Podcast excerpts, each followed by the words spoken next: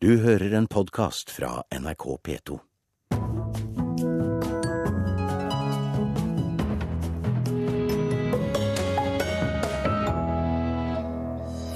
Barn blir mobbet pga. bilder lagt ut på internett. Datatilsynet ber foreldre tenke seg om før de blogger om barna sine.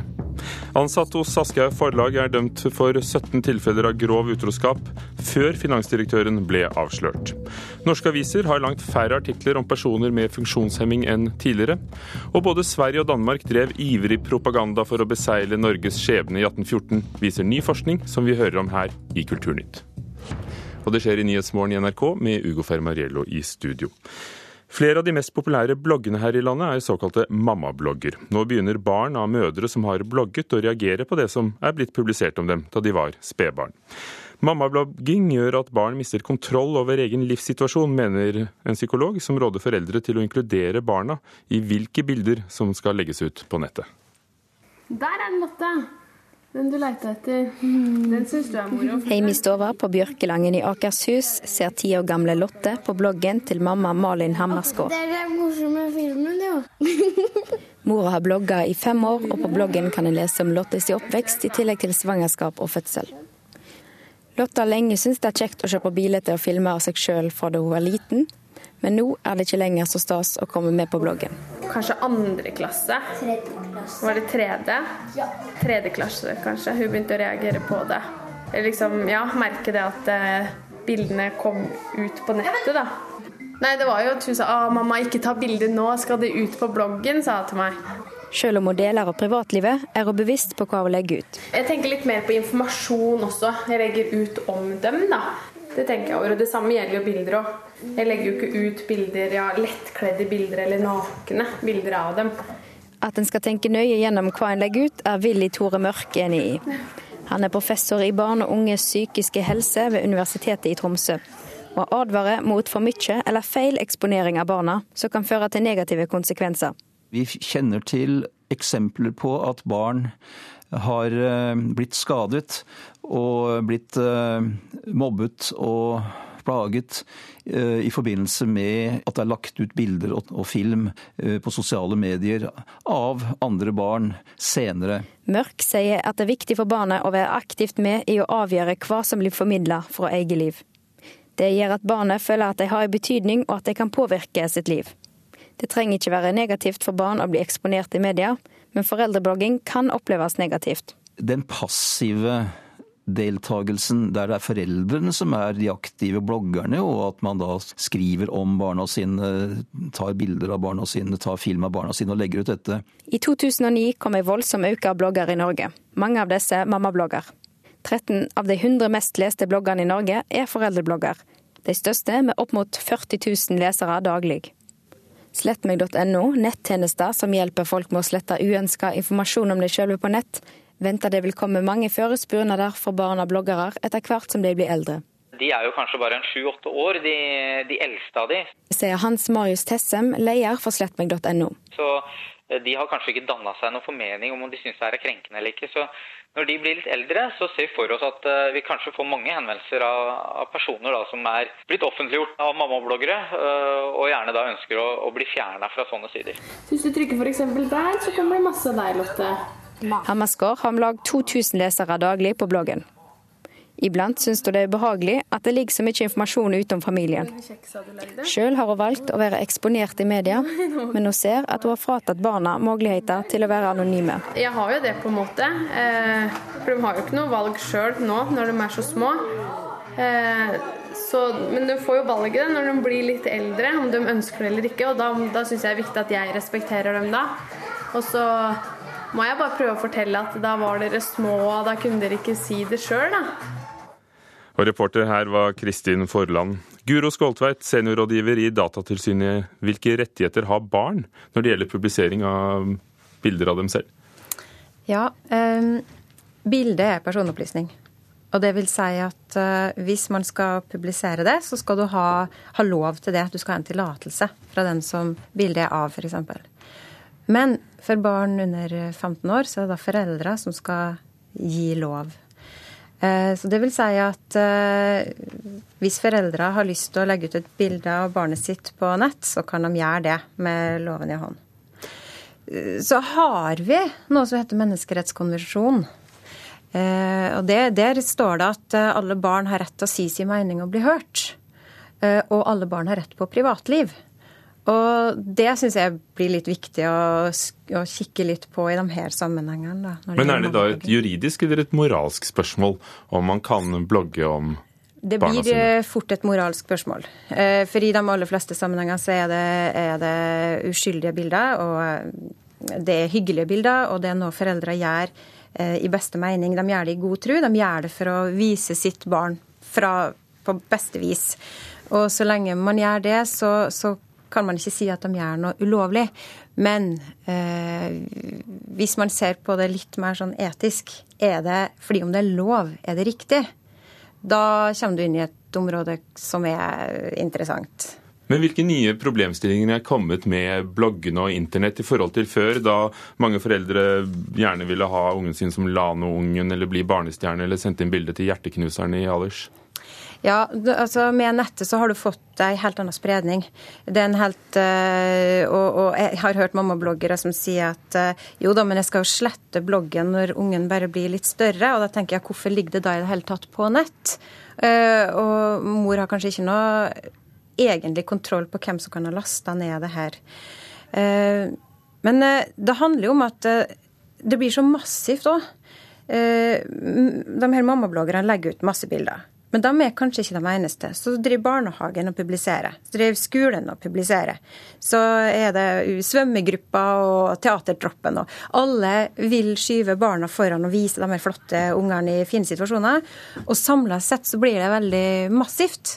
Og det vil si at vi som voksne tar et valg for ungene våre. Vi, vi tar bort deres eh, grunnleggende rett til privatliv og personvern, og velger å gjøre dem til offentlige personer. Da. Men kanskje neste generasjon ikke vil oppleve bildet av seg selv som noe så hellig som vi har gjort hittil? Nei, det er slett ikke sikkert, men det valget bør de få ta sjøl. Og jeg syns at uh, i mye større grad så bør vi voksne gå foran som forbilder. Fordi hva er det vi lærer ungene våre ved å drive og publisere dem på uh, mammablogger? Kanskje uten å spørre først. Eh, vi bare legger ut bilder. Så lærer ungene at det å legge ut bilder av andre på nett er greit. Så blir de 10-12-13-15 år, får sin egen blogg, sin egen Facebook-side, begynner å ta bilder av sine venner og slektninger, og, og legger det bare ut.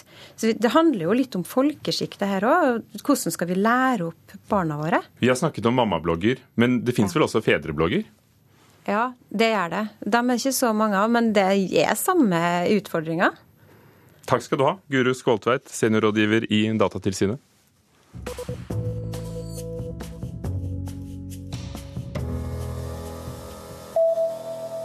Det skal handle om Aschehoug forlag, for også i fjor ble en regnskapsmedarbeider dømt for underslag i Aschehoug. Det kommer frem i Dagens Næringsliv i dag.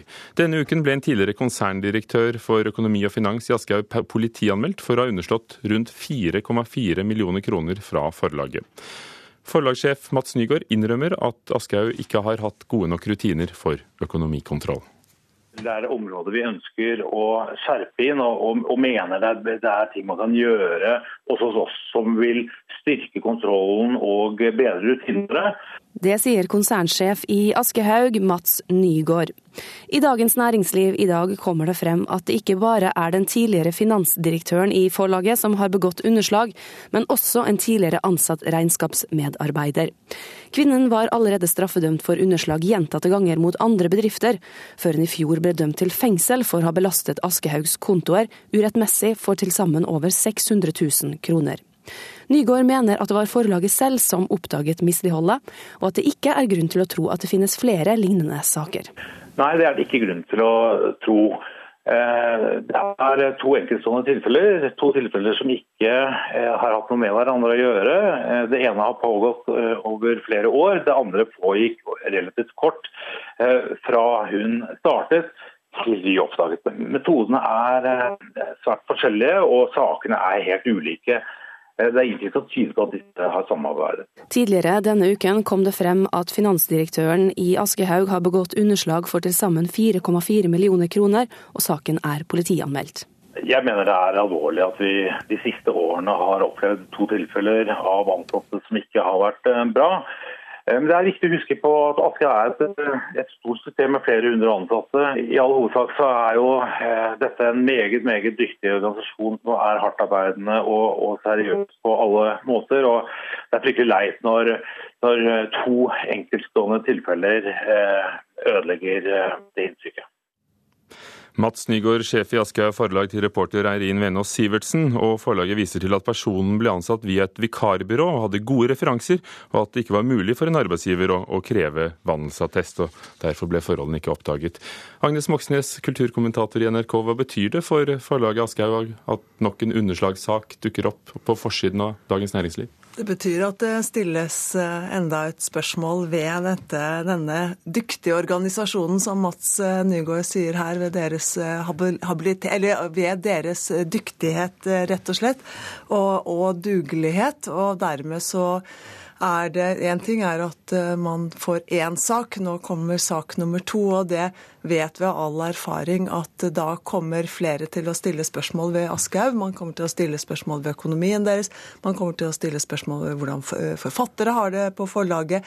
Hvordan dette forlaget er sammenlignet med andre forlag i, i Norge. Sånn at vi må regne med at det kommer til å komme flere saker om Aschehoug i, i tiden eh, fremover.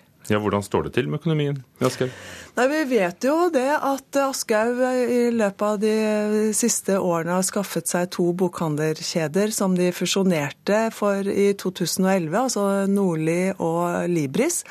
Og, og, det har nok ikke vært et godt kjøp. Det har svekket økonomien til forlaget. Og det, det sies i forlaget at de takker for Jo Nesbø hver eneste kveld i, i kveldsbønnen sin. Sånn at han er nok en svært viktig eh, forfatter eh, når det gjelder inntektene til forlaget akkurat nå. Så de hadde Jostein Gaarder som skaffet mye inntekter, så Jo Nesbø. Hvordan står det til med de andre forfatterne? Ja, altså... Eh, det, eh, det, sies jo at det å drive et forlag hvor man har en så stor og viktig forfatter som Jo Nesbø, at det blir vanskeligere å være en av de mindre forfatterne i et sånt forlag. Men Aschehoug forlag er et forlag som har en stor portefølje av viktige forfattere. Det er et 140 eh, år gammelt forlag som har hatt Sigrid Undset der, Jostein Gaarder, som du nevnte, Jo Nesbø nå. Nå har de fått Ylvis, helt sikkert veldig bra for dem å ha det.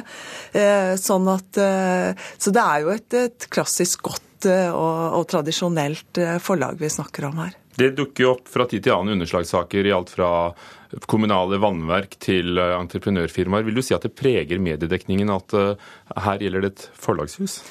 Ja, det, uh, Dette er et hus som ligger på omdømmetoppen, det er det ingen tvil om. Eh, sånn at uh, det fallet som de går inn i nå med disse sakene her, kommer til å påvirke måten man omtaler Aschehoug forlag og denne saken på. Så vi får se hvordan, om det blir en, et tøffere grep eller fra bl.a. journalisters side da, i tiden fremover. Takk skal du ha. Agnes Moxnes, kulturkommentator. 16 minutter over åtte, Nyhetsmorgen i NRK med disse overskriftene i dag. Én av ti var arbeidsløs i fjor, i år blir det enda flere, tror Nav. Om under én time starter rettssaken mot eh, Joshua French i Kongo. Advokaten hans mener French er så dårlig at saken må utsettes inntil videre. Ingen i regjeringen har sagt ja til å møte fredsprisvinner Dalai Lama når han kommer til Norge i mai. Og nettdebattanter foretrekker anonyme debatter, viser forskning om hva som skjedde med ordskiftet på internett etter terroren i 2011, og det snakker vi om mer om senere her i Kulturnytt. Historien om 1814 eh, kan fortsatt fortelles og skrives på nytt. I forbindelse med grunnlovsjubileet legges ny forskning frem i dag. Norges skjebne var nemlig ikke bare et resultat av napoleonskrigene, men også en heftig ordkrig. Propagandaen besto av pamfletter og lesebrev med retoriske sverdslag og giftige sarkasmer. Ruth Hemstad ved Nasjonalbiblioteket, hvordan artet ordkrigen seg?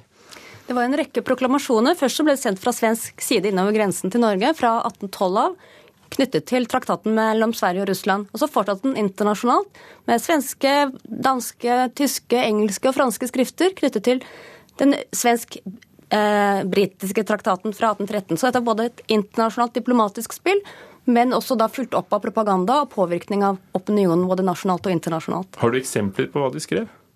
De skrev, altså Fra svensk side så var man opptatt av å forsøke å få nordmennene overbevist om at det var en bedre løsning å bli, gå i forening med Sverige. Man skulle få en friere politisk forhold enn det man hadde i den despotiske danske helstaten, som det het. Mens man fra dansk side da understreket norske folkets kongetroskap, og at disse svenske løftene selvfølgelig bare var tull.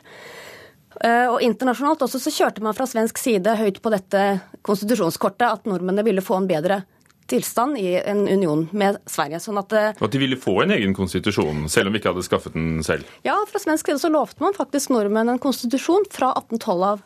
Både overfor nordmennene i proklamasjoner, men også i forhandlinger med Storbritannia.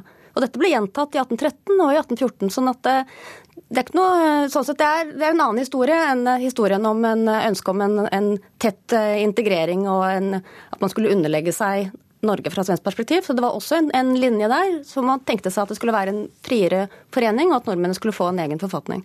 Tror vi på det i dag, dere historikere? Tror vi at svenskene hadde gitt oss lov til å lage en grunnlov?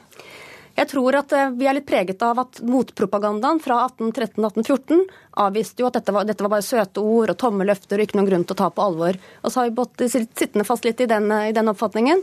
Men jeg tror absolutt det er grunn til å ta dette på, på alvor sånn som det ble presentert. Ikke minst fordi at det ble presentert veldig tydelig i mange internasjonale sammenhenger. Så dette ble gjentatt og forsikret så sent som i april-mai 1814 og gitt som argumentasjon for den britiske regjeringen i den heftige debatten i parlamentet om Norge som var da. Sånn at jeg tror ikke altså, Det ville være en annen type grunnlov enn den som eidsvollsmennene og nordmennene ga seg selv. Det ville blitt, Men at det ville blitt en grunnlov i 1814, det tror jeg. Det var jo bare syv boktrykkerier i landet på den tiden, tre i Kristiania, altså, som du skriver i artiklene dine. Eh, og de var fullt opptatt med å lage dette materialet. Noe av det på fransk ble sendt til England for publisering og oversettelse til engelske aviser. Hvorfor var vi så opptatt av å påvirke britene? Britene satt med nøkkelen til løsningen. Dette var jo gammel, en gammel svensk drøm om å få en forening med Norge. Men Karl Johan og Sverige var avhengig av internasjonal støtte for å få dette til. og Derfor så kommer disse traktatene. og Dette er jo en del av napoleonskrigene, hvor Norge på en måte var en del av en deal som Sverige gjorde for å gå inn mot Napoleon. Men Storbritannia eh, var avhengig Sverige var avhengig av Storbritannia for å få dette til. Og Storbritannia hadde jo da i sin traktat lovet å medvirke til at Norge skulle gå inn i denne foreningen, bl.a. gjennom bruk av militære og marine midler. sånn at en fornyelse av blokaden av Norge. altså Hvis ikke Norge kunne ha internasjonal handel, så hadde jo ikke Norge så mye å si. Men det er det greit å huske på nå at det var de liberale i Storbritannia som støttet norsk uavhengighet? Det var det. VIG-opposisjonen og opinionen generelt hadde veldig sans for de norske kravene. Dette var jo et frihetselskende norsk folk som sa at de ville heller dø enn å bli svenske, og frykten for svensk undertrykkelse. og Dette var ideer som var kjørt veldig høyt opp i Storbritannia. Så det er klart at det var egnede prinsipper å kjøre mot regjeringen. Hvor finner du dette materialet i dag? Finnes disse pamflettene liggende rundt i arkiver og biblioteker? Hva har dere i Nasjonalbiblioteket? Vi har en hel del i Nasjonalbiblioteket, og det vi også har sørget for å gjøre nå, er å digitalisere dette. Så nå er dette bare et tastetrykk unna for enhver. Dette er små, morsomme, interessante ting men det er funnet rundt i biblioteker og arkiver i de nordiske landene og i Storbritannia. Eh, og altså på Nasjonalbibliotekets sider så kan vi lese noen av skriftene? Der kan dette leses eh, enkelt og greit. og er, Vi har laget en 1812-1814-bibliografi hvor dette også er samlet. Takk skal du ha, Ruth Hemstad fra Nasjonalbiblioteket, om ordkrigen før 1814. Personer med funksjonshemming blir lite omtalt i norske aviser. Det viser en ny forskningsrapport fra Høgskolen i Oslo og Akershus. På 20 år har tallet på oppslag om personer med nedsatt funksjonsevne sunket kraftig. Da har jeg gleden av å presentere prosjektleder Elisabeth Eide fra Høgskolen i Oslo og Akershus. Tusen takk. Det har blitt mindre stoff i avisene om personer med nedsatt funksjonsevne. Det kommer fram i en ny rapport fra Høgskolen i Oslo og Akershus som ble lagt fram i går. Forskerne har sammenligna et utvalg aviser i et 20-årsperspektiv. Funnet vi har gjort når det gjelder de åtte avisene, er at det er en nedgang i perioden. Det sier Elisabeth Eide i forskergruppa. I 1993 var det mer enn 500 oppslag knyttet til mennesker med nedsatt funksjonsevne. 20 år senere har tallet minka til litt over 300 oppslag. Særlig på nyhetssjangeren så er det en mye mer dramatisk nedgang eh, i andel oppslag, mens da leserbrev og nærmest sånn aktivister utenfra eh, genererer mer stoff. Liv Arum i Funksjonshemmedes Fellesforbund mener dette er et problem, siden pressa skal være vaktbikkja som sørger for at funksjonshemma får rettene de har krav på. Funksjonshemmede har noen praktiske utfordringer i forhold til at de forholder seg til et offentlig tjenesteapparat på en annen måte, enten det nå er økonomiske eller praktiske tjenester. Og det å få, inn, det å få dine rettigheter f.eks. er jo et kjempeprosjekt. altså Du må jo slåss for det. Og det er jo en, en, del av virkeligheten som folk flest ikke forholder seg til, hvis de ikke er nødt til det. Aftenposten er ei av avisene som viser klar nedgang i tallet på oppslag. Men tidligere redaktør Hilde Haugsgjerd mener det er for snevert å se på tallene alene. Vi vet at, at, historier og dekning kan gjøre veldig veldig stort inntrykk og skape stor endring, mens mange mange artikler eh, ikke behøver å få noen effekt i det hele tatt, for de kan bli lest lite, de gjør ikke inntrykk, de, de skaper ikke endring. Sånn at tall alene er én liten målestokk. Det er mange andre ting som hører med et bilde hvis en virkelig skal Eh, gjøre opp en dom eller sette karakter på medienes dekning av dette feltet. Men Elisabeth Eide mener tallene uansett er en indikator på hvor mye oppmerksomhet dette temaet får i media. Det blir også en begrenset kritikk, fordi at uh, uansett så sier dette noe om den journalistiske energien som går inn i dekningen av et felt. Og det vil jo være viktig. Så kan du si at energien kan gå til å lage dårlige og gode oppslag, og til å lage oppslag med stor og liten oppmerksomhet. Men uansett så er dette en indikator på hvordan en prioriterer. Hvis en prioriterer mindre, så blir det også mindre oppmerksomhet totalt sett, tror jeg. Liv Arum sier det er vanskelig for Funksjonshemmedes Fellesforbund å nå opp med sine saker i media. Eh, avisene snur seg også etter hva partiene er opptatt av. Og så er det en sånn to, tosidig greie, da. Media setter jo dagsorden også for politiske partier. Men jeg tenker at den symbiosen der eh, er det vanskelig å på en måte slå inn noen bresjer i fra vår side, i hvert fall. Arum tror det er lav prestisje for journalister å skrive om personer med funksjonshemming. Ja, nei, dette er ikke, dette er ikke det som gir anseelse i medieverdenen. Det tror jeg ikke. Det er Hilde Haugsgjerd langt på vei samd i. Sosialpolitikk har eh, ofte vært et tema som eh, kvinner har, eh, har, beskjeftiget seg med i redaksjonene, og det er jo gjerne et uttrykk for at det ikke er det mest prestisjetunge temaet. Sa Hilde Haugsgjerd til vår reporter Lars Ivar Nordahl.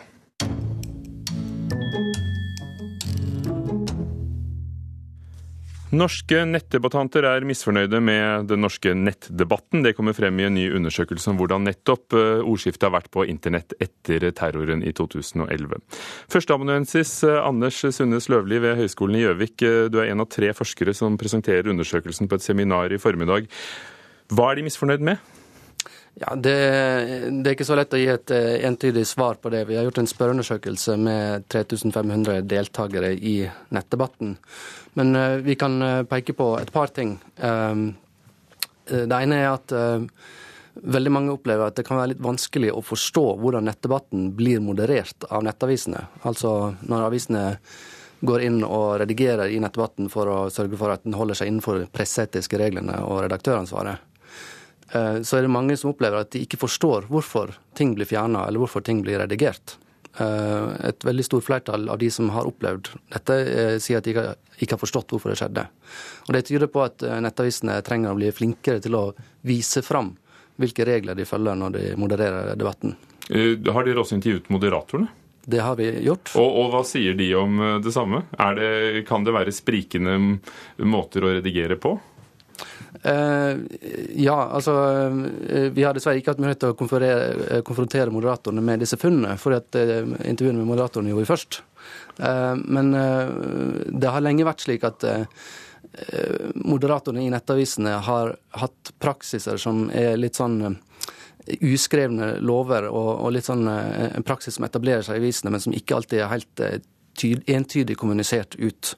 Eh, og Slik har det vært før 22. juli, og slik er det etter 22. juli.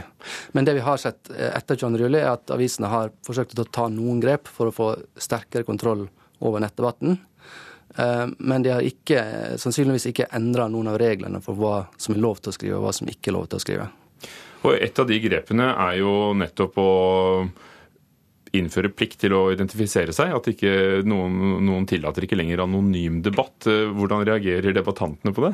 Vi ser jo at eh, det store flertallet av debattantene velger å kommentere anonymt når de har muligheten til det, og de ønsker det. Eh, men det vi ser også er at eh, noen av argumentene for å, at man ønsker å kommentere anonymt, er ikke, er ikke helt holdbare. Eh, fordi vi ser at eh, man, man, man, ønsker å kommentere anonymt for å unngå å få negative konsekvenser. At man kan få problemer med arbeidsgiver eller trusler eller trakassering eller den typen.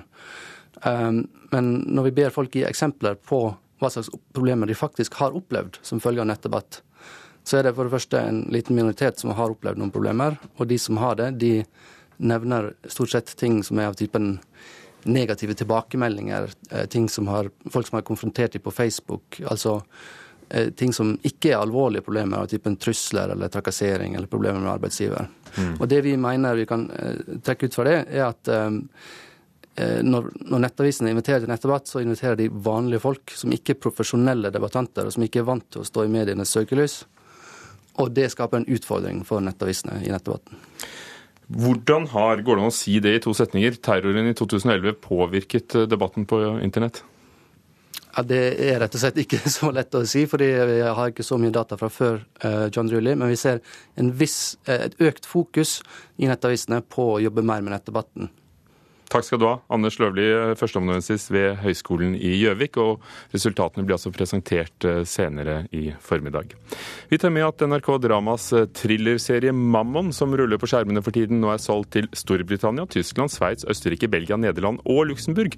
Tidligere er Mammon solgt til alle de nordiske landene, i tillegg til at 20th Century Fox har kjøpt rettighetene til en amerikansk versjon av serien. De to første episodene av Mammon er begge sett av over 900 fjernsynsseere her i Norge. I Kulturnytt i dag har vi hørt om barn som reagerer etter at de var utsatt for foreldreblogging som spedbarn. Datatilsynet sier at selv om foreldre har rett til å legge ut bilder av barna, bør de tenke seg om før de gjør det. Og